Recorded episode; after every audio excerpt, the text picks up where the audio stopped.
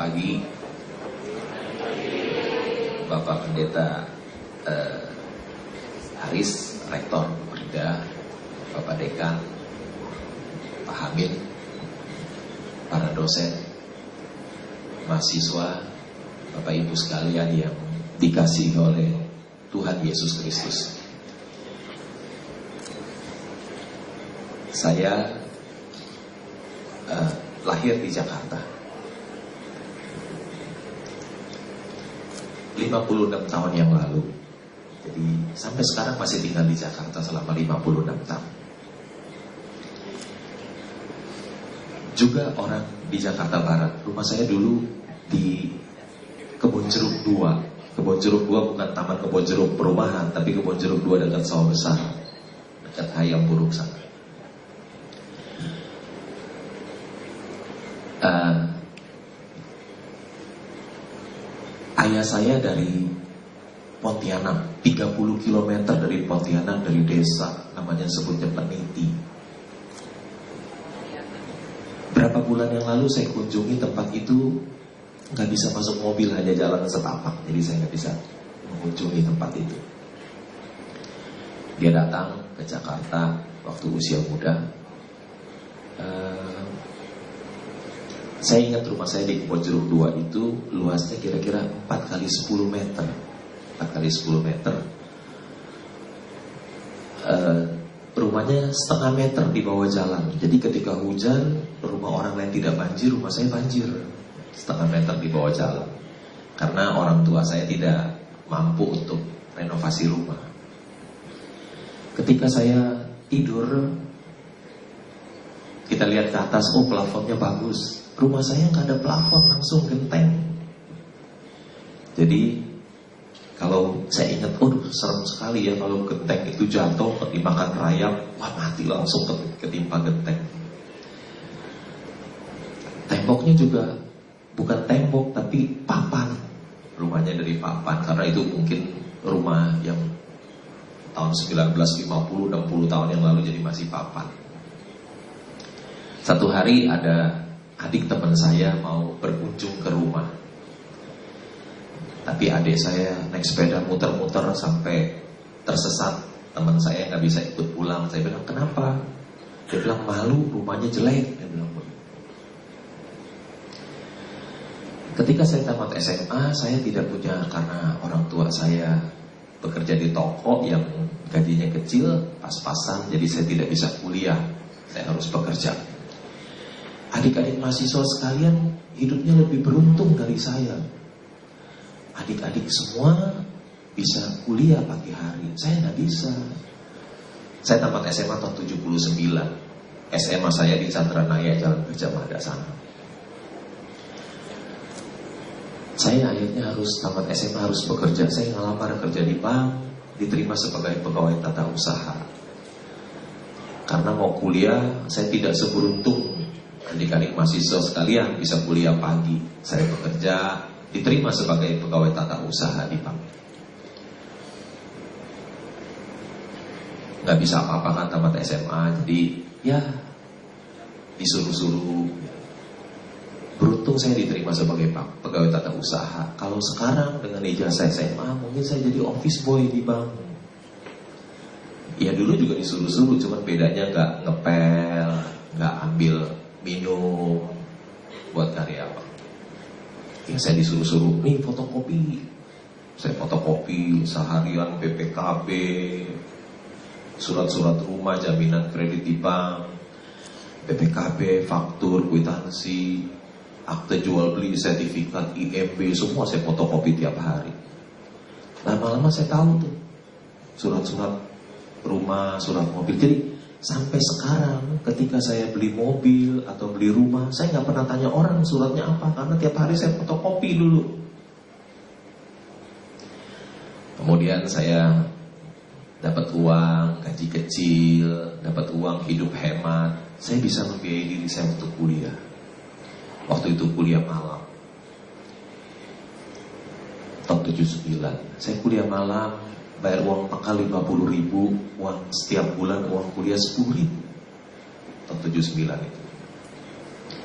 Saya juga tidak seberuntung adik-adik mahasiswa sekalian di kampus yang bagus kuliah enggak. Saya dulu kuliahnya di sekolah SMA. Universitasnya nggak punya kampus kontrak di SMA. Jadi saya tiap hari kuliah di tempat SMA siang, pagi, siang, SMA, malamnya buat kuliah. Tidak seberuntung adik-adik bisa di kampus. Tapi ketika saya selesai tahun terakhir saya kuliah, kampus itu baru jadi. Jadi cuma merasakan sebentar.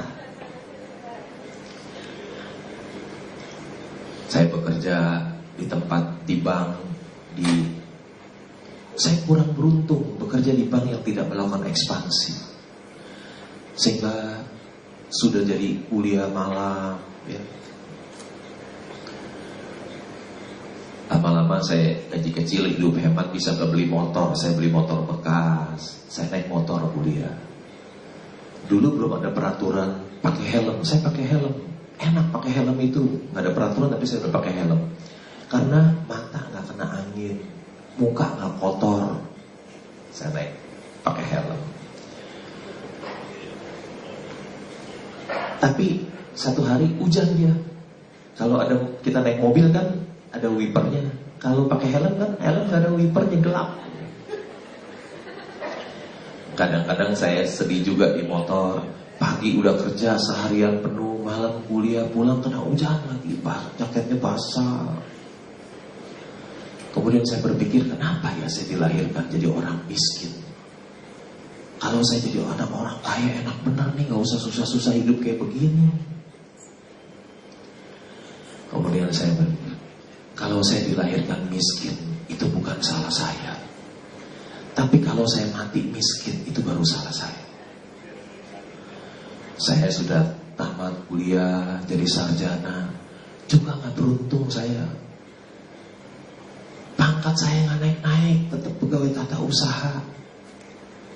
Karena saya masuk di bekerja di bank yang tidak melakukan ekspansi.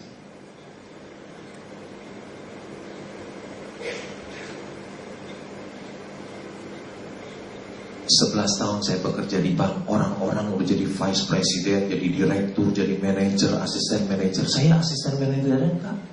Tetap pegawai tata usaha. Karena pangkatnya pegawai tata usaha gajinya kecil sekali. Tetap kecil.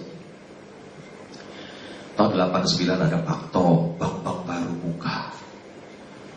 Wah saya mulai dihargai. Ada bank baru buka, saya direkrut. Gaji saya otomatis jadi tinggi sekali. Naik 200 persen. Wah saya senang itu harga wajarnya sebetulnya. Saya kemarin dibayar, dibayar gaji sangat kecil. Wah saya bekerja dengan sangat baik nasabah-nasabah saya dulu yang punya uang, saya teleponin, saya bilang, yuk kita pindah ke bank sini, saya kasih bunga lebih besar, karena dapat bunga lebih besar dia pindah. Mereka yang dapat kredit bunganya tinggi, saya bilang, ya saya kasih lebih murah yuk. Dapat lebih murah mereka pindah. Saya bekerja habis-habisan. Lama-lama bank saya melakukan ekspansi. Saya bekerja di bank ekonomi. Sekarang masih ada bank saya bekerja di sana sebelum banknya buka. Jadi ekspansi. Bekerja setahun saya naik pangkat jadi kepala cabang. Wah gaji saya naik level kepala cabang gaji besar. Hidup saya tetap hemat. Sisa uangnya saya belikan saham. Orang-orang dapat uang mungkin buat dikonsumsi. Saya tidak. Saya belikan saham selalu uang saya. Lama-lama jadi besar. Kira-kira demikian. Uh, coba kita lihat layar. Konon katanya bursa efek di dunia itu didirikan tahun 1602. 1602 didirikan oleh VOC.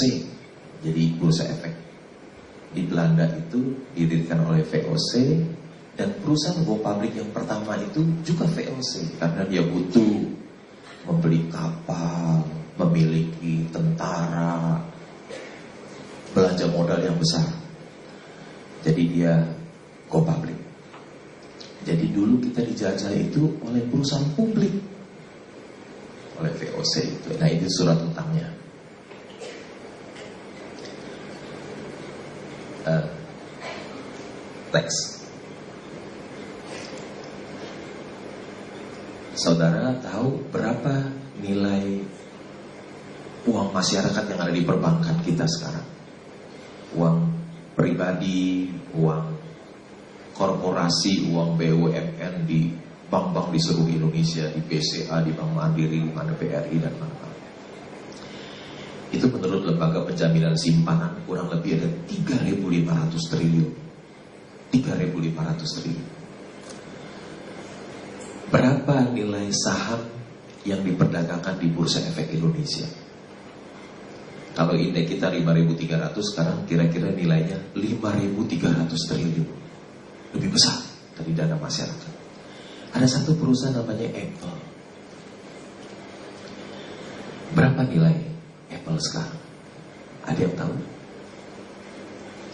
Nilai sahamnya kira-kira 130-an, jumlah sahamnya ada 5,8 miliar, kira-kira 700 miliar dolar ini perusahaan. Kalau dikali 13 ribu itu 9.100 triliun satu perusahaan ini.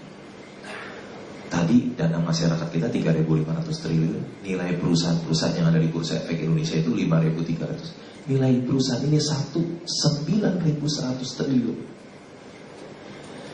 Di Amerika itu bukan ini. Ada juga perusahaan banyak yang besar-besar ada Exxon Mobil, ada Chevron, ada Citibank, ada JP Morgan, ada Bank of America, ada Boeing, ada General Electric, ada Microsoft, ada Berkshire Hathaway, banyak sekali nilainya triliunan US dollar. Belum yang di Jerman, di Perancis, di London, di Shanghai, di Hong Kong, di Tokyo. Nilainya berapa triliun? Besar sekali nilai pasar modal itu. Harta kekayaan yang ada di dunia ini ada di pasar modal. Bukan bukan di bawah laut, harta karun di bawah laut. Harta karun yang terbesar yang ada di dunia ini ada di pasar modal.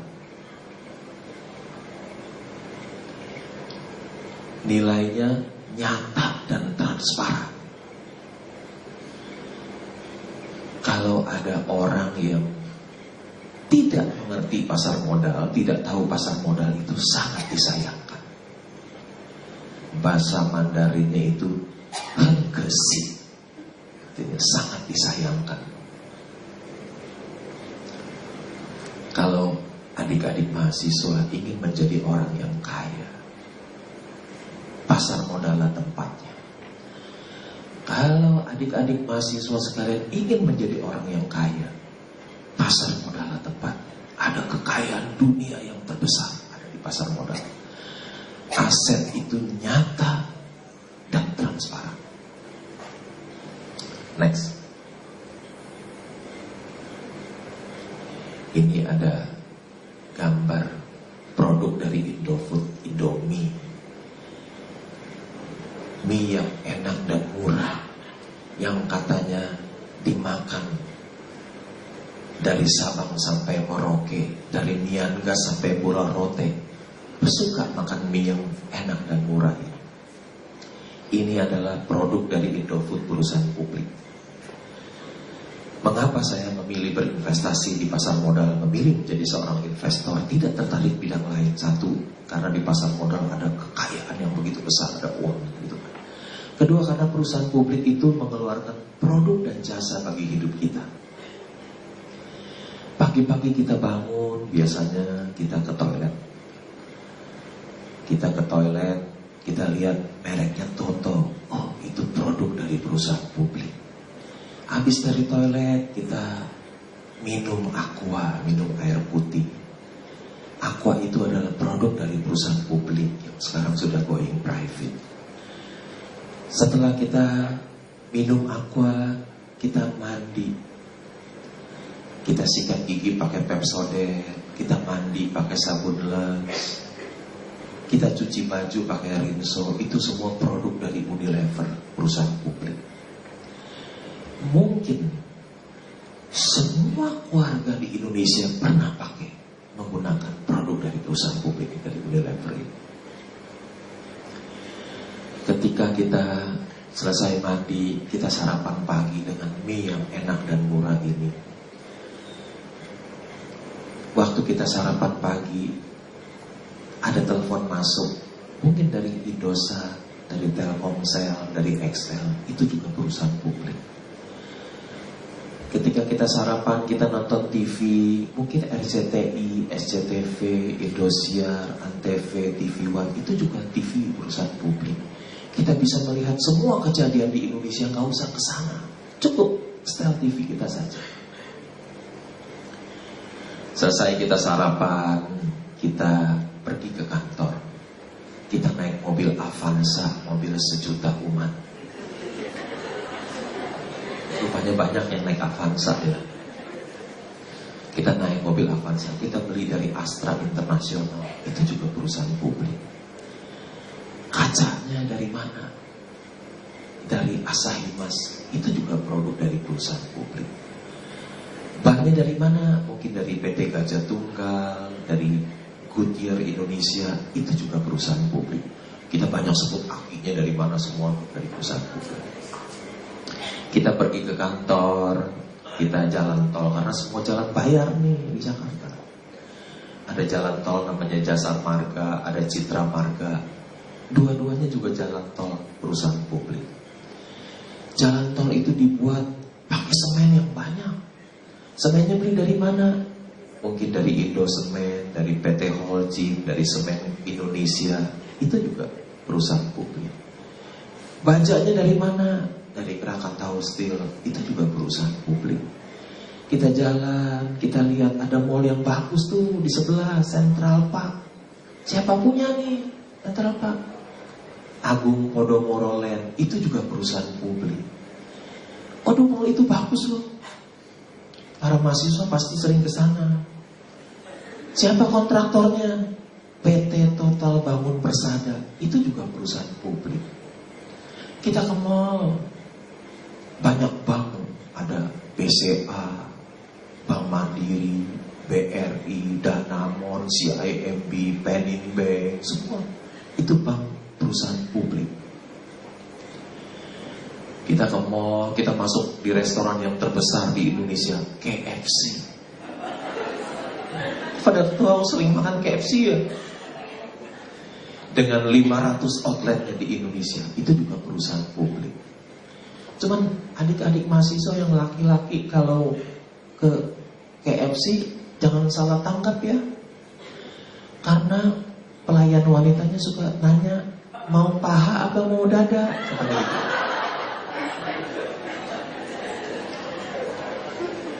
Terus dia tanya lagi, suka tanya mau di sini atau mau dibawa pulang. Dia juga suka tanya mau yang original atau yang mau yang hot and spicy. Terakhir dia pasti tanya, CD-nya mau sekalian dibeli? Maksudnya compact disc-nya gitu.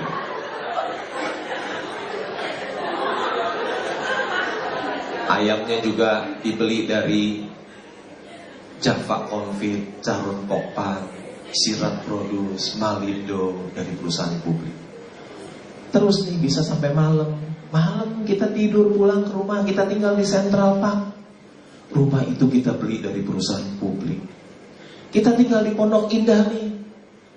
Metropolitan Kencana, itu juga perusahaan publik. Kita tinggal di perumahan Ciputra. Perumahan Ciputra juga perusahaan publik.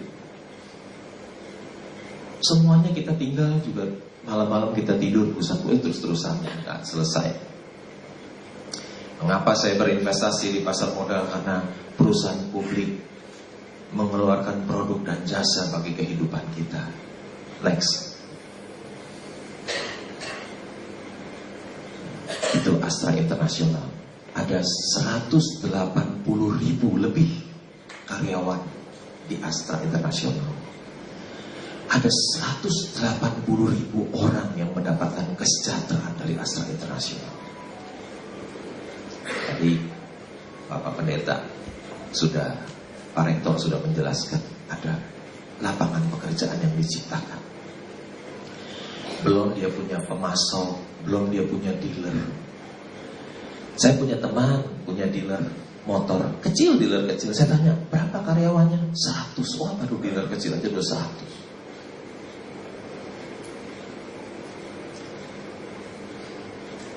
Next. Nah ini adik-adik mahasiswa, mahasiswa sering naik ojek kan? Hah? Naik ojek ya. Ada puluhan juta orang yang mencari nafkah dari menarik ojek. Mereka mau melamar pekerjaan, nggak ada lapangan pekerjaan. Mereka butuh untuk hidup. Mereka sekarang bisa menafkahi hidup mereka itu dengan menarik ojek. Kalau mereka tidak bisa menafkahi hidup mereka, dengan terpaksa mereka akan melakukan tindak kriminal, mereka menodong atau merampok. Hidup kita jadi tidak aman dan tidak tenang. Tapi mereka sekarang bisa menafkahi hidup mereka. Mereka tidak mau pekerjaan itu. Kita bisa tenang malam-malam pulang. Tidak ada penodong, tidak ada perampok. Bukan hanya tukang ojek. Berapa banyak produk-produk dari perusahaan publik itu menciptakan pengusaha-pengusaha kecil. Ada penjual Indomie, warung Indomie. Ada malam-malam tukang pecel ayam, semua ayamnya dari mana? Dari perusahaan publik. Ada orang pedagang-pedagang rokok, itu juga perusahaan publik bisa menciptakan lapangan pekerjaan. Ada universitas yang bilang ini entrepreneur university. Nanti udah lulus nggak jadi karyawan, jadi pengusaha. Tapi ketika lulus tetap jadi karyawan, nggak jadi pengusaha. Tapi produk dari perusahaan publik bisa menciptakan pengusaha-pengusaha kecil. Makin besar perusahaan publik kita, makin besar bursa kita, semakin sejahtera rakyat kita. Semakin besar bursa kita, semakin sejahtera rakyat kita. Karena ada penciptaan, penciptaan lapangan pekerjaan yang baru yang tadi sudah disebutkan oleh Pak Rektor.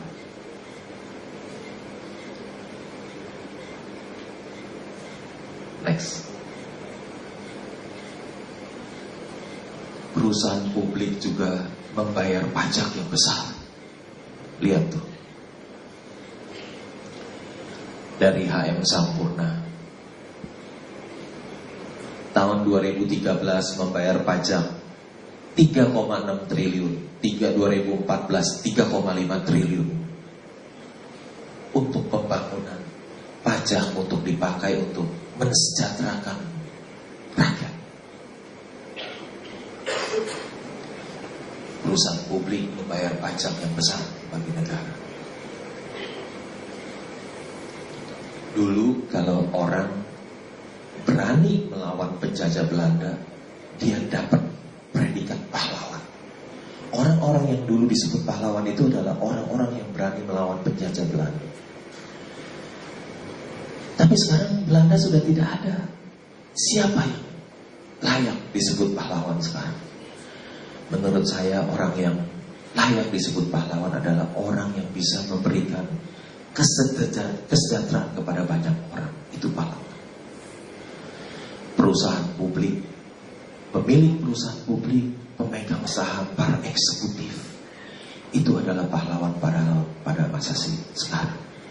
Dia bisa memberikan, menciptakan lapangan pekerjaan yang banyak, memberikan kesejahteraan kepada. Next. Ini adalah seorang investor saham di Amerika banyak investor saham disebut penjudi. Tapi investor saham ini adalah pahlawan. Diberikan penghargaan oleh Presiden Obama. Next. Ini return saham dari 2003 sampai 2015. Ada Carun Pokpan memberikan return 10.000 persen. United Tractor 9.900, Sumarekon 9.600, Mayora, PT Tima 4.200 bisa dibaca sendiri. Selanjutnya, next, yang terakhir BCA memberikan gain 2.100 persen, 21 kali lipat.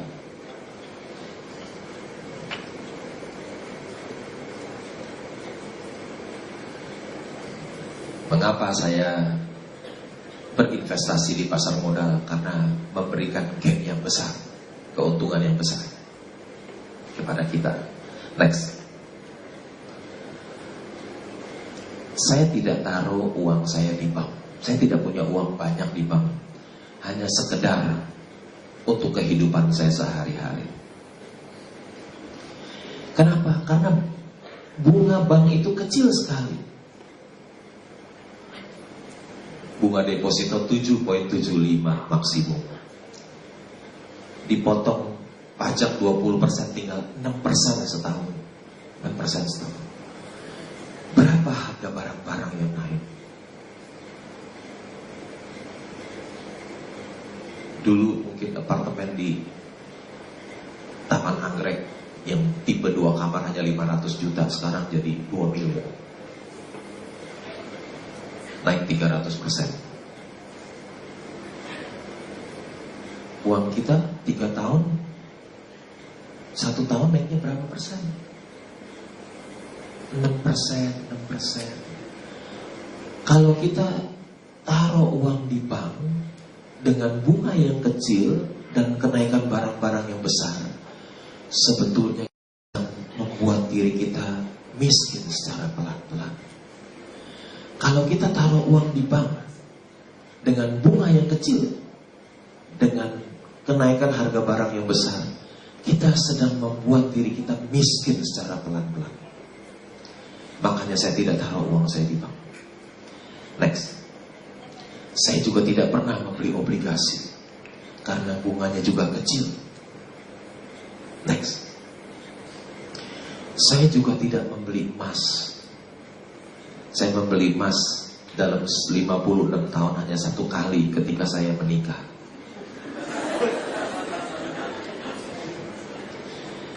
Kalau kita membeli emas satu kilo, kita simpan 10 tahun.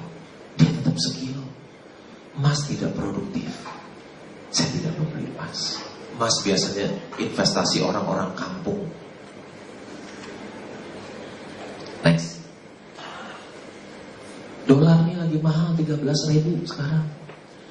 Saya juga tidak membeli dolar. Kenapa saya tidak membeli dolar? Saya takut membeli dolar. Karena ketika kita memegang dolar, kita selalu mengharapkan yang buruk yang terjadi. Saya tidak berani pegang dolar.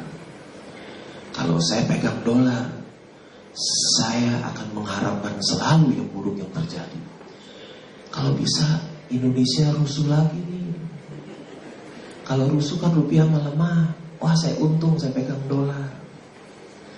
Kalau bisa Indonesia krisis ekonomi lagi nih. Biar rupiahnya melemah saya pegang dolar saya untung. Saya nggak berani.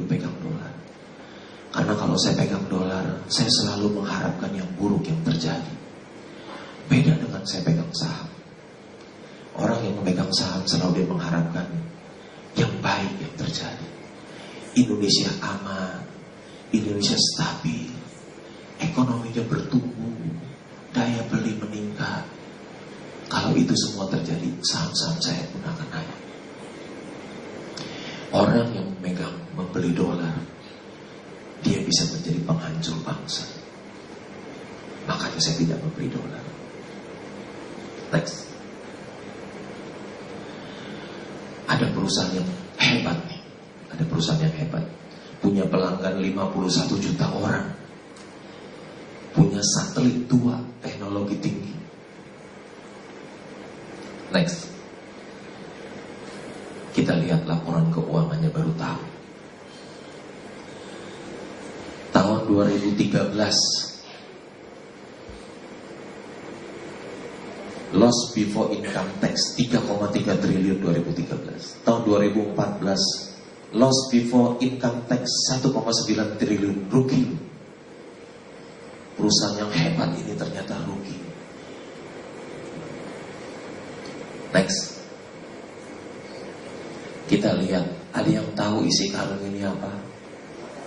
Hah? Apa? Beras plastik. Ternyata beras plastik itu nggak ada. Plastik lebih mahal dari beras. Bukan, ini isinya pakan ayam. Pakan ayam, makanan ayam. Makanan ayam ini teknologi rendah.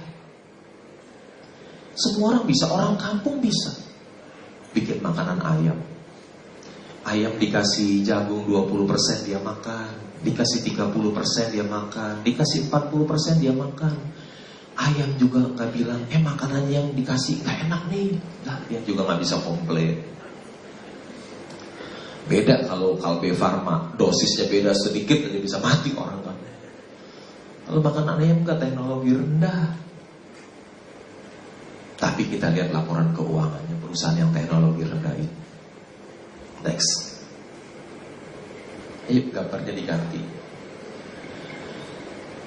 2006 labanya 157 miliar, 2007 180 miliar, 2008 253 miliar, 2009 loncat dari 253 miliar jadi 1,6 triliun. 2010 2,2 triliun. Hei, jangan disangka. Perusahaan yang tadi punya 51 juta pelanggan, yang para mahasiswa juga pakai itu Indosat. Rugi loh. Punya satelit, kendaliin satelit aja gimana terbangin satelit juga kita nggak tahu. Tapi ini pakan ayam, untung 2,2 triliun. Belanja modalnya rendah, jadi perusahaannya untuk besar.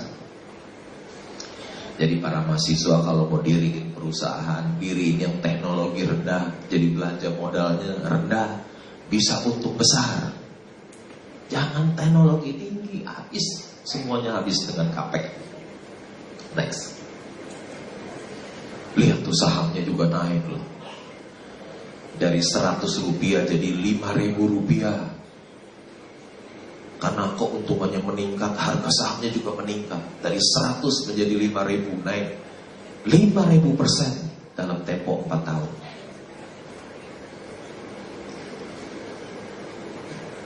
Luar biasa, next.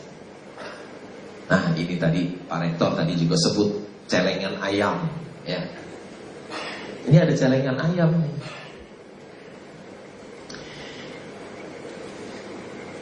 Saham memberikan pertumbuhan terbesar. Mari kita lihat data di pasar modal Amerika Serikat selama tahun 926 sampai 2080 tahun. Akan menjadi berapa uang 1 dolar 80 tahun kemudian? Tetap satu dolar jika disimpan di celengan ayam tadi yang sudah disinggung Pak Rektor. Kalau 80 tahun ditaruh satu dolar celengan, dia tetap satu dolar. Menjadi 20 dolar jika diinvestasikan pada obligasi jangka pendek pemerintah. Menjadi 70 dolar jika ditanamkan di obligasi jangka panjang pemerintah. Menjadi 3.000 dolar bila dibelikan saham perusahaan besar. Menjadi 16.000 dolar jika diinvestasikan pada saham perusahaan kecil. Next. Nah sekarang kita sudah tahu rahasianya untuk memaksimalkan keuntungan investasi. Saham is the best choice. Ingat tuh kata-kata itu. Saham is the best choice. Makanya saya tidak pernah berinvestasi di tempat lain. Karena saham is the best choice. Next. Saham yang diperjualbelikan di bursa membuka kesempatan bagi para investor bermodal kecil untuk bisa memiliki perusahaan besar. Mengapa? Karena dengan memiliki saham berarti kita ikut memiliki perusahaan tersebut. Bursa Efek Indonesia memungkinkan kita orang yang punya uang terbatas dengan kemampuan yang terbatas bisa memiliki perusahaan yang hebat. Suruh kita bangun perusahaan seperti Astra Internasional, seperti Indofood, hampir tidak mungkin. Hampir tidak mungkin. Tapi melalui Bursa Efek Indonesia kita bisa memiliki perusahaan itu. Kita bisa memiliki perusahaan Indofood, bisa memiliki Astra Internasional. Bursa Efek Indonesia memungkinkan orang yang bermodal kecil dan kemampuan yang terbatas bisa memiliki perusahaan yang hebat. Next. Konsumsi adalah ibarat berenang-renang ke hulu, berakit-rakit ke tepian. Artinya bersenang-senang dahulu, bersakit-sakit kemudian. Investasi adalah kebalikannya, berakit-rakit ke hulu, berenang-renang ke tepian, bersakit-sakit dahulu, bersenang-senang kemudian. Itu untuk bersenang-senang kemudian artinya berinvestasi. Next. Ini konsumsi dan investasi. Beli mobil, beli BB, beda dengan orang yang beli saham.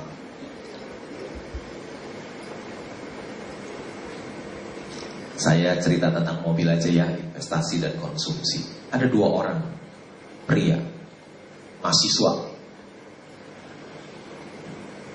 Masing-masing punya uang 500 juta dua orang. Yang satu uangnya dikonsumsi, dia beli mobil mewah, mobil baru seri 5 yang harganya 500 juta. Wah teman-temannya pada kagum sama dia. Orang-orang harus naik angkot dia naik BMW. Dia menikmati uang. Dia beli BMW juga BMW singkatan dari buat memikat wanita. Wah, wanita-wanita.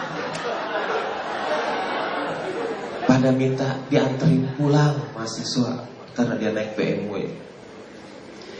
Yang orang yang kedua punya uang 500 juta, dia belikan saham saham calon pokpan. Empat tahun kemudian Dua orang ini punya kekayaan berbeda Yang si A beli BMW 500 juta Dia pakai 4 tahun Setelah 4 tahun tinggal berapa? Siapa yang tahu? Kira-kira tinggal berapa BMW? Hah? Berapa? Berapa? Oh 100 terlalu kejam Jangan Anggaplah tinggal separoh lah 250 juta uangnya Mahasiswa yang kedua yang punya uang 500 juta, dia belikan saham calon pokpan naik 5000 persen. Jadi berapa uang? 500 juta dan 5000 persen, berapa? Ayo hitung. Hah? Susah ya nggak biasa itu uang gede ya. Biasa hitungnya uang kecil terus juta-juta dihitung miliaran jadi susah. Berapa? 25 miliar. Biasa dia hitung uang besar. Yang satu uangnya tinggal 250 juta. Yang satu dia beli saham cat, dia belikan saham calon pokpan jadi 25 miliar. Dulu uangnya sama, sama-sama 500 juta. Empat tahun kemudian si B uangnya 100 kali lebih banyak dari si A. Karena uangnya dibelikan saham, yang satu uangnya dikonsumsi, dia belikan mobil. Dia nikmati uang. Dia bersenang-senang dahulu, bersakit-sakit kemudian. Tapi kalau orang punya 500 juta, beli saham apa beli mobil? Pasti beli mobil. Sampai jalanan macet. Penuh mobil semuanya. Jangankan punya utang, eh punya uang. Nggak punya uang aja dia utang kok beli mobil.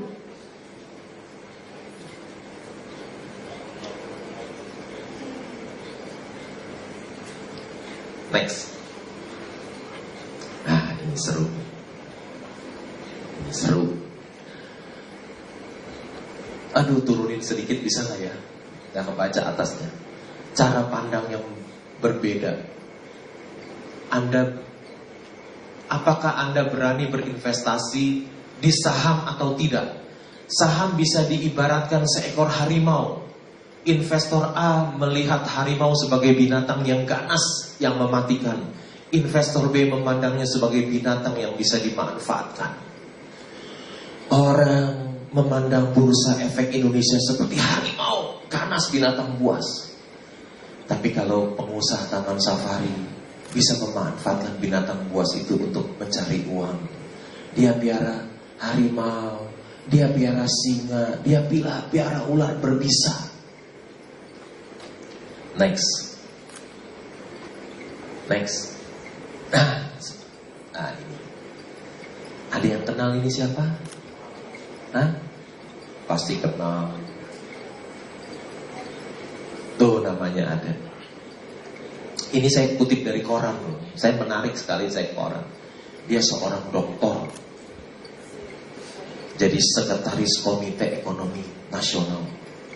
Jadi komisaris di Bank Mandiri. Orang hebat. Saudara apa? Baru S1 aja belum tamat. Ini S3 Dia bilang apa? Saya kutip ya. Orang terkenal lu. Tiap hari muncul di TV. Dia bilang, dia tidak berani mengambil resiko terlalu tinggi dalam berinvestasi. Dia pilihnya beli apartemen aja. Apa sih investasi yang tinggi? Di bawah dia bilang. Dia mengaku tidak terlalu tertarik untuk berinvestasi di saham karena resikonya tinggi. Dia nggak mau lu beli saham. Seorang dokter S3 nggak berani beli saham. Saudara apa? S1 aja belum tamat berani-berani beli saham. Tapi Pak Pendeta beli saham hebat. Saya kagum sama Pak Pendeta. Pak Rektor.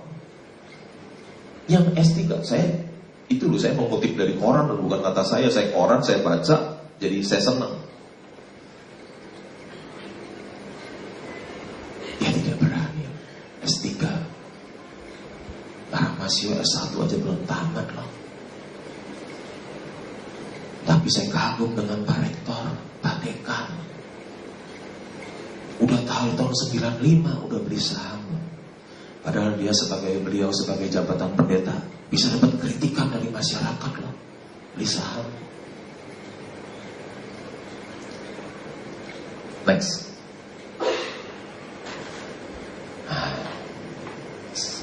Teliti, kenali apa yang akan dibeli dan beli apa yang kita kenali.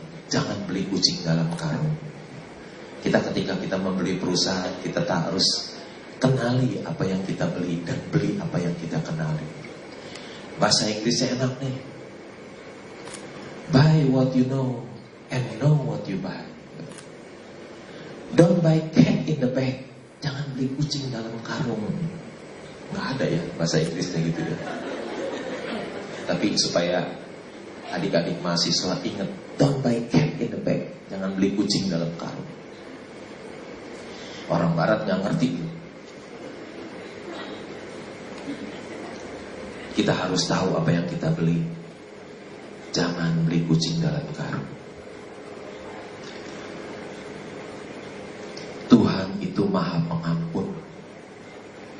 Tapi bursa saham tidak kenal belas kasihan. Bursa saham tidak pernah memberi ampun kepada orang yang tidak tahu apa yang dia beli. Next. Itu saya suka berkunjung ke tambang batu bara supaya saya tahu saya tidak beli kucing dalam karung. Saya kalau minta kepada orang, eh saya datang ya pintu terbuka, tapi kalau mahasiswa datang ya nggak dikasih. Next. Bagaimana saya membeli perusahaan publik? Yang pertama adalah membeli perusahaan yang manajemennya baik. Yang dikelola oleh orang yang jujur dan profesional. Orang-orang yang berintegritas dan kapasitas. Kita sebagai seorang investor harus seperti pansel KPK. Dia memilih orang-orang yang berintegritas dan punya kapasitas. Beli saham pun tidak boleh membeli kucing dalam karung. Kita harus tahu siapa peng perusahaan ini di manage oleh siapa. Apakah oleh orang-orang yang jujur dan tidak profesional, yang tidak jujur dan tidak profesional, yang mengambil uang perusahaan untuk memperkaya diri. Kita sebagai investor celaka. Kita harus melihat apakah manajemen itu dikelola orang yang jujur dan profesional, orang-orang yang berintegritas dan punya kapasitas. Banyak perusahaan-perusahaan yang sudah GCG di Indonesia, ada Astra Internasional, ada Grup Salim, ada perusahaan-perusahaan multinasional seperti Unilever, ada perusahaan BUMN, banyak perusahaan yang manajemennya baik, yang GCG. Yang kedua, kita harus melihat perusahaan itu usahanya baik atau tidak, sektornya bagus atau tidak. Banyak usaha yang jelek, misalnya sektor garment. Dia hanya berjuang untuk hidup. Dia harus menghadapi perusahaan-perusahaan tekstil yang yang dari China yang murah-murah. Ini salah satu contoh perusahaan yang tidak baik. Garuda Indonesia rugi sebelum pajak 2014 itu 460 600 460 juta US dollar kalikan 13 ribu ruginya 6 triliun lebih loh Garuda Indonesia itu laporan keuangan yang dibuat oleh Garuda Indonesia dia kirim ke Bursa Efek Indonesia, Bursa Efek Indonesia munculkan di website Indonesia dan saya saya munculkan di sini. Padahal penjualannya 3,3 miliar dolar. Ah ini juga penerbangan sektor usaha yang buruk. Dulu ada yang tua-tua mungkin ingat ada Sempati, sekarang sudah nggak ada. Ada Borak, sekarang udah nggak ada. Mandala juga. Merpati, ah, buat bayar gaji karyawannya aja nggak bisa. Adam R juga sudah tidak ada. Batavia juga tidak ada. Next.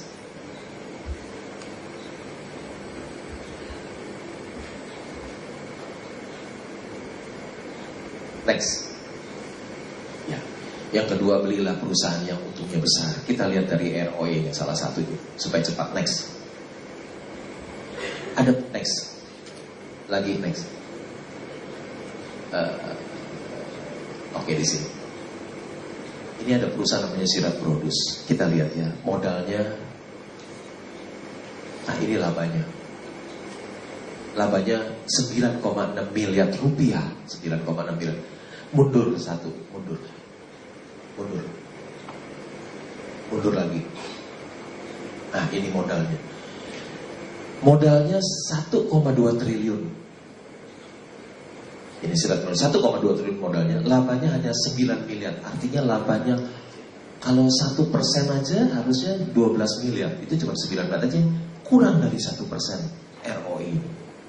Ini perusahaan yang untungnya kecil sekali. ROI kurang dari satu persen. Next, next, terus, terus lagi. Ah ini, tunggu. Ah ini, stop. Ini Unilever Indonesia. Labanya itu eh, 5,3 triliun. Unilever Indonesia labanya 5,3 triliun 2013 ya. Eh, lihat sebelumnya. Sebelumnya. Ya. Modalnya 4,2 triliun. Labanya 5,3 triliun. Artinya ROE-nya 125 persen. Di bursa ada perusahaan yang ROI-nya kurang dari satu persen, ada perusahaan yang ROI-nya 125 persen. Perusahaan yang untung besar. Kalau kita memiliki perusahaan yang untung besar, kita seperti memiliki mesin pencetak uang. Kalau kita memiliki perusahaan yang untung besar, kita seperti memiliki mesin pencetak uang. Selanjutnya kita lihat, apa aja yang harus kita lihat? Next. Next. Nah sekarang melihat pertumbuhan perusahaan. Carilah perusahaan yang memiliki IPS yang meningkat dari waktu ke waktu. Perusahaan yang bertumbuh next. Ini adalah laporan keuangan BRI Bank Rakyat Indonesia. Lihat labanya ya.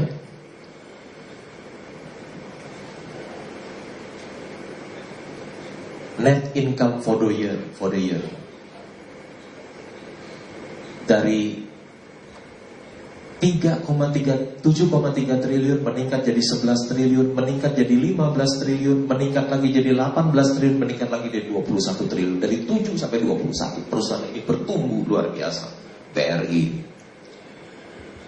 Kalau kita memiliki perusahaan yang bertumbuh, kita seperti mil memiliki mesin pencetak uang dia mencetaknya makin tahun makin cepat ngeprint. Next. Sekarang valuasi Biasanya kita lihat dari price earning ratio adalah lama waktu yang dibutuhkan untuk mengembalikan modal yang dipakai untuk membeli saham. Next. Next. Ada satu perusahaan namanya Siloam. Wah dekat tuh. Pasti mahasiswa kalau sakit ke Siloam. Kita lihat labanya, 59 miliar rupiah. Kecil labanya ternyata. 59. Tahun lalu 50 miliar, sekarang meningkat. Tahun 2014 59 miliar. Berapa laba per sahamnya? Hanya 54 rupiah. 54 rupiah, harga sahamnya 14 ribu kira-kira. 14 ribu ribuan. Jadi price earning ratio berapa kali? Kira-kira mungkin 260 kali price earning ratio. Harga sahamnya 14 ribuan, laba per sahamnya setahun hanya 54, jadi price earning ratio 260, 200, kira-kira begitu. Next kita lihat lagi satu perusahaan. Tadi labanya cuma 59 miliar. Ini namanya Pen Invest. Next. Nah, Pen Invest tahun 2004 labanya 229,59. Artinya 230 per saham. Harga sahamnya 800. Artinya dia hanya price earning ratio hanya tiga setengah kali. Tiga setengah kali. Labanya juga gede labanya 934 miliar. Pemilik entitas induk 934 miliar labanya Penny Invest ini. Price earning ratio tiga setengah kali. Mau beli perusahaan yang nilainya 14 ribu, labanya setahun 54 rupiah, atau mau beli perusahaan yang 800 nilai sahamnya, labanya 230. Itu valuasi namanya mahal atau murah. Next. Value investor adalah investor yang berusaha memperkirakan nilai sebuah saham. Nilai ini disebut nilai intrinsik. Jika nilai intrinsiknya lebih besar dari harga pasar, kita membeli. Jika nilai intrinsiknya lebih rendah dari nilai pasar, kita menjualnya. Next. Untuk menghitung nilai wajar ini kita harus mengestimasi arus kas yang bakal dihasilkan oleh perusahaan dari sekarang hingga seterusnya. Arus kas berasal dari laba bersih usaha. Arus kas ini kemudian nilai sekarang kan dan dijumlah untuk mendapatkan nilai wajar. Benjamin Graham bilang begini, ini metode yang saya temukan 70 tahun silam. Sekarang masih populer dipakai investor profesional. Next. Ini tips dari Warren Buffett. Dia bilang, It is far better to buy a wonderful company at a fair price than a fair company at a wonderful price. Ini satu kunci. Next. Nah, ini anak ayam. Saya dulu punya perusahaan anak ayam produksinya 500 juta ekor per tahun 500 juta ekor nangkepinnya aja susah kan Terbesar nomor 2 di Indonesia Next Ayo, ya, terus Next Next Next Terus, next Ya, ini Labanya 2006 106 miliar, menurun 989, menurun lagi 31 miliar, naik loncat jadi 196 miliar, kemudian 2010 jadi 256 miliar. Next. Ini harga sahamnya juga meloncat. Dulu waktu 2006 saya membeli harga sahamnya 250 rupiah per saham. Kemudian naik. 6 tahun kemudian meningkat jadi 31.500 Naik 12.600 persen perusahaan ini. Nilainya naik 2000, 12.600 persen next. Wah di, di laporan keuangan ini reportnya ada nama saya tuh loh Keng Hong Punya 6 juta lembar sedikit Kepemilikan 8 persen Sedikit sekali 6 juta Kalau 6 juta lembar saham dikalikan 31.500 kurang lebih 200 miliar ya. Enak ya. Nggak ngapa-ngapain jadi sleeping shareholder. Pemegang saham yang tidur dapat 200 miliar tidur aja nggak ngapa-ngapain. Pegang saham itu 6 tahun naik 12.600 persen. Orang yang korupsi masuk penjara, ya saya dengerin cuma korupsinya 1 miliar, 5 miliar, kecil-kecil masuk penjara. Mendingan jadi sleeping shareholder nggak usah ngapa-ngapain tidur aja. Dapat duit 200 miliar kan? Next. Rick Van Winkle Investing ada seribu satu macam strategi investasi. Ini tips berinvestasi di pasar. Tapi strategi investasi yang satu ini paling bagus. Disebut juga buy and hold. Rick Van Winkle adalah tokoh dalam novel karya Washington Irving 1819. Ia suka tidur. Suatu hari ia tidur di bawah sebuah pohon. Dan baru bangun 20 tahun kemudian setelah mendusin ia menyadari bahwa segala sesuatu telah berubah. Istrinya yang galak dan para sahabatnya telah meninggal. Tidur. Kalau kali eh, kabinet Jokowi itu kerja, kerja, kerja. Maka di saham itu kalau kita sudah memiliki perusahaan yang hebat itu harus tidur, tidur, dan tidur. Mahasiswa hati-hati menginterpretasikan kata-kata saya ini. Ya, mungkin nggak pernah dengar. Ada saatnya ketika kita tidak mengerjakan apa pun merupakan suatu bentuk kecerdasan investasi. Ketidakaktifan adalah perilaku yang cerdas. Investor yang bijak dapat menghasilkan uang ketika dia tidur. Tidur adalah jalan untuk meraih kekayaan.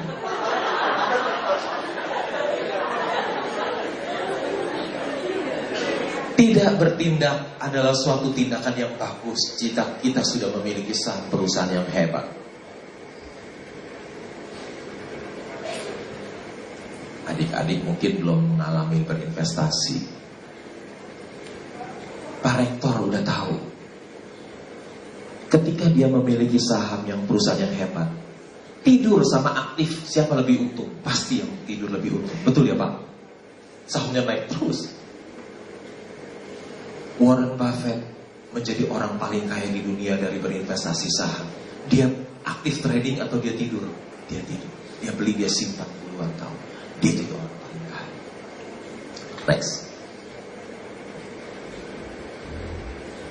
Masih ingat Rudi Hartono maestro bulu tangkis Indonesia yang menjuarai All England 8 kali? Apa rahasia kesuksesan Rudi selain berteknik tinggi dan bermental juara, Rudi selalu siap bertanding dalam jangka waktu yang panjang. Teknik bagus tanpa stamina yang baik tidak arti, tidak, tidak ada artinya. Dia pelatih Rudi yang tidak bisa bermain bulu tangkis. Dia melatih fisiknya Rudi. Yang hari Rudi disuruh keliling Gelora Bung Karno next. Investor saham bisa disamakan dengan atlet, tidak sekedar punya teknik yang bagus dalam memilih saham, tapi juga stamina atau staying power investasi. Staying power maksudnya kemampuan investor untuk tidak menjual aset investasinya seberat apa pun krisis keuangan yang terjadi. Next. Di dunia saham itu ada dua analisa. Satu analisa fundamental, satu technical analisis fundamental memperhatikan kondisi kandang dan kesehatan sapinya. Sapi adalah analogi untuk perusahaan dan kondisi kandang adalah kondisi pasar modal. Analisa teknikal hanya memperhatikan pergerakan ekor sapi. Ekor adalah analogi untuk harga saham. Baginya kondisi kandang dan sapinya tidak penting. Bahkan mungkin ia tidak peduli apakah sapinya sakit atau lagi bete. Yang penting ekornya masih bergerak naik turun. Thanks. Ini adalah buku Intelligent Investor karya Benjamin Graham. Warren Buffett ketika umur 19 tahun dia sudah membaca buku ini. Sekarang dia usia 85.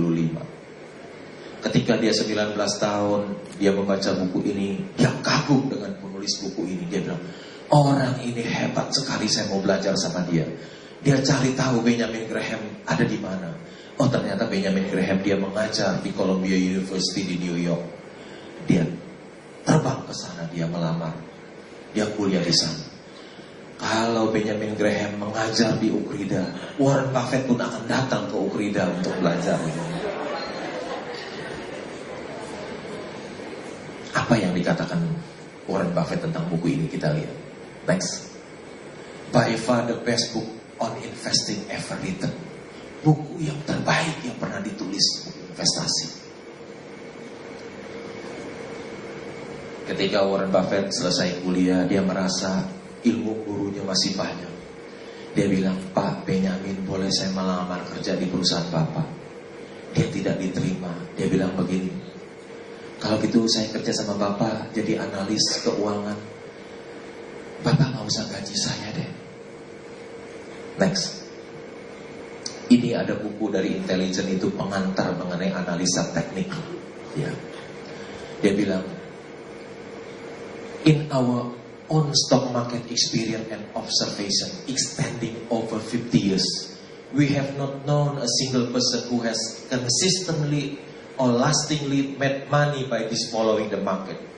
We do not hesitate to declare that this approach is as fallacious as it is popular. Saya kuningin fallacious karena saya nggak pernah kuliah di luar negeri. Saya nggak tahu arti fallacious itu apa. Jadi saya buka buku kamus Inggris Indonesia Hasan Sadili.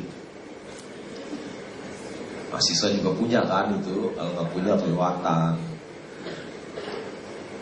Fallacious di buku Hasan Sadili diterjemahkan dengan tiga kata, yaitu tidak benar, keliru dan menyesatkan. Analisa teknikal itu menurut Benjamin Graham. Next. Ini ada buku saham juga tapi di Gramedia udah habis bukunya. Saya yang borong buat teman-teman saya. Next. Di buku ini Warren Buffett mengatakan, menurut Warren Buffett analisis yang hanya didasarkan pada grafik, volume dan pergerakan harga tidak berarti apa-apa kecuali omong kosong tidak bermakna. Next. Nah ini ada pendiri dari uh, pasti para mahasiswa pasti tahu pendiri Apple. Jangan-jangan udah pakai produknya iPhone atau laptop. Ya, dia berkata stay hungry and stay foolish. Dia seorang anak haram yang sejak bayi sudah dikasihkan orang lain. Bisa mendirikan perusahaan senilai 9.100 triliun. Sampai uang masyarakat kita se-Indonesia kita kumpulin nggak sanggup beli itu. Dia selalu mengatakan stay hungry and stay foolish. Tidak pernah berhenti belajar.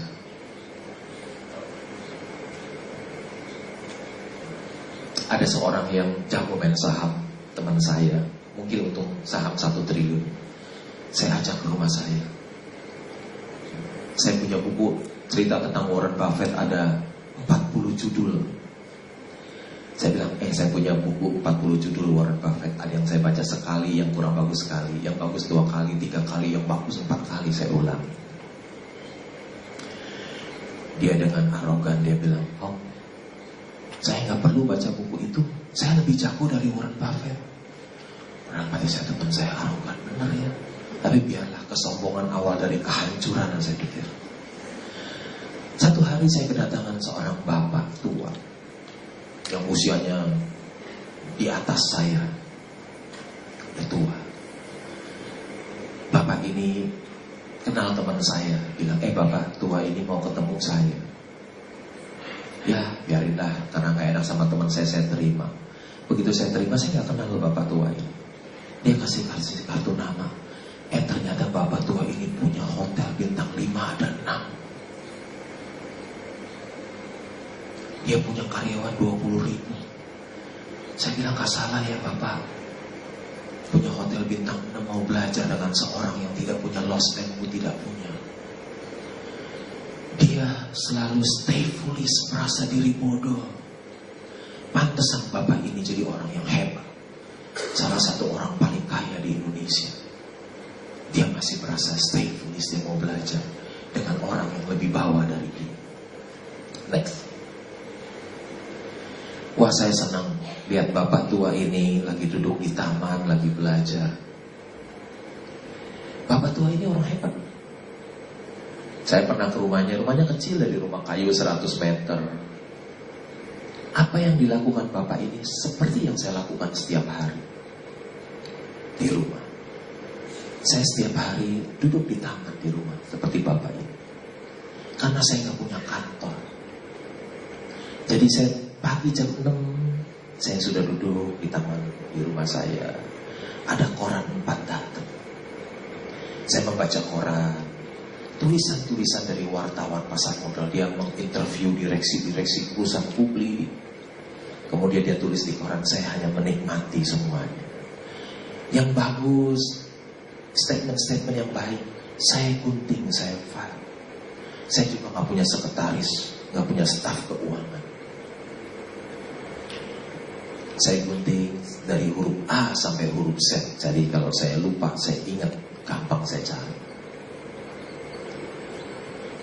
Saya melakukan tiga hal di taman dari jam 6 pagi, kadang sampai jam 12 malam saya duduk di taman di rumah saya.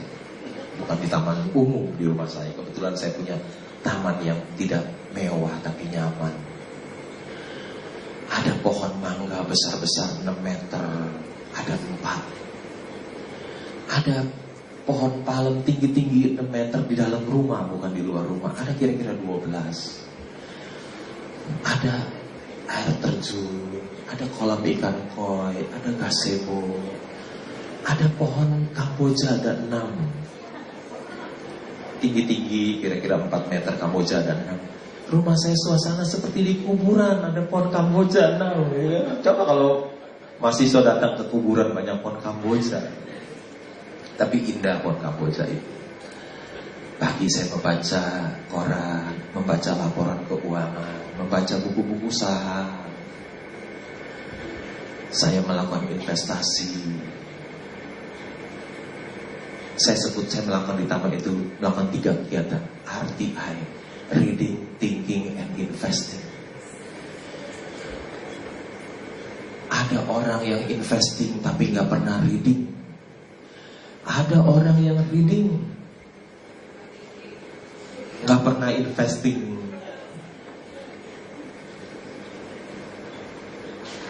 Satu hari saya diminta ajar di Universitas Negeri.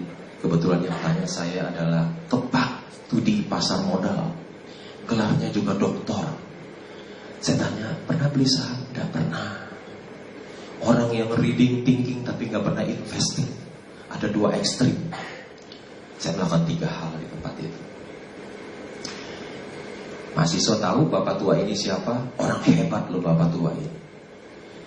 Kalau saya munculkan foto ini 50 tahun yang lalu, paling sedikit saya masuk penjara. Bisa-bisa kemungkinan besar kepala saya bisa pisah dengan badan saya.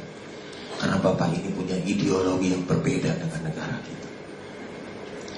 Dia adalah seorang proklamator. Dia melawan Perancis, dia menang.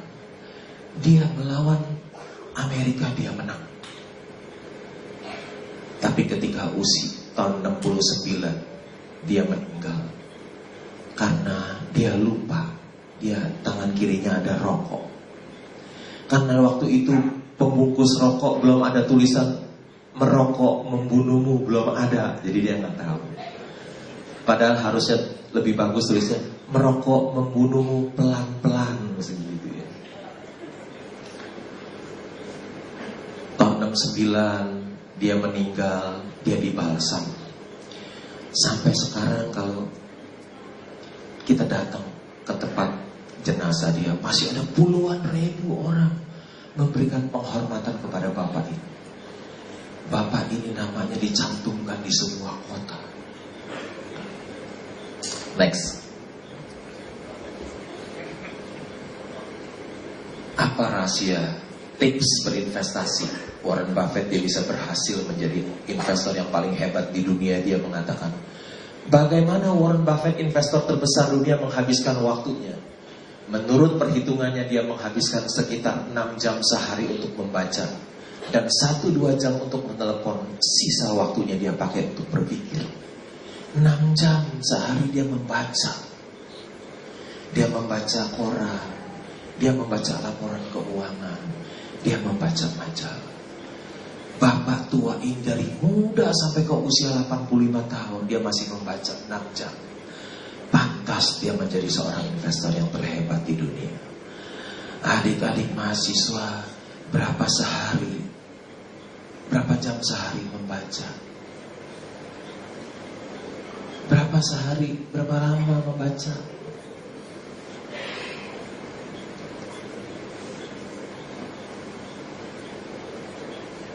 Ada pepatah, pepatah bahasa Mandarin bilang Suli seyu huang jingku.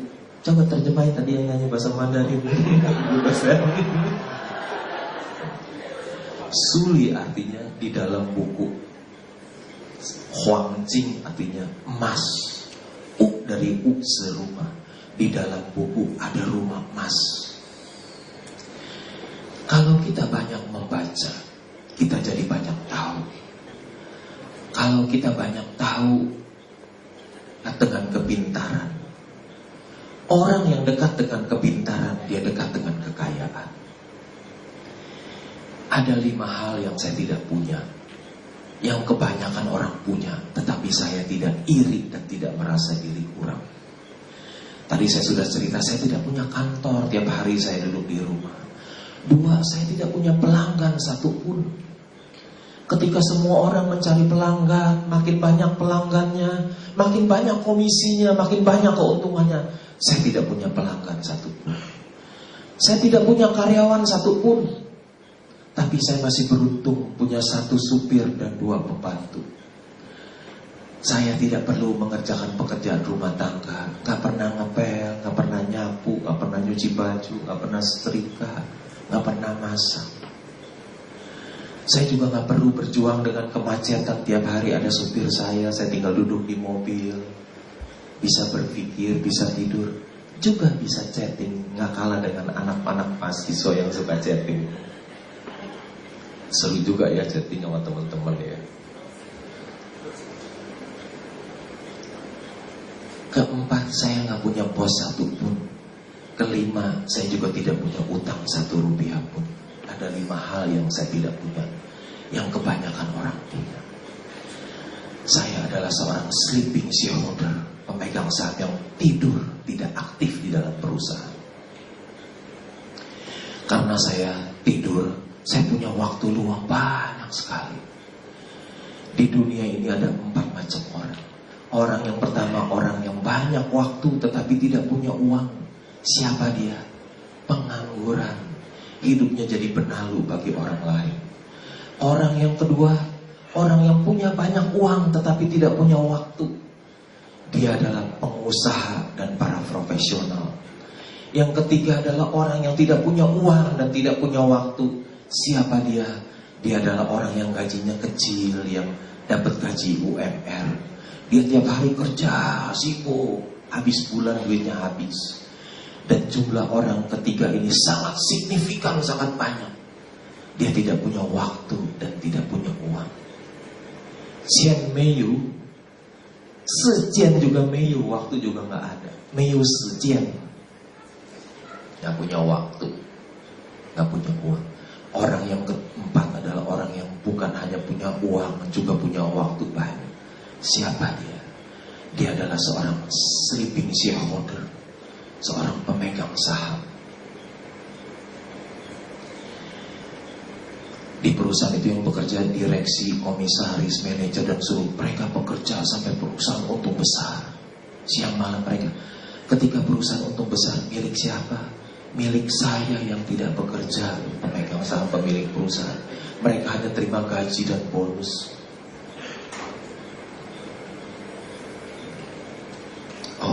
berbahagianya seorang bisa bukan hanya punya uang banyak, tapi juga punya waktu luang banyak.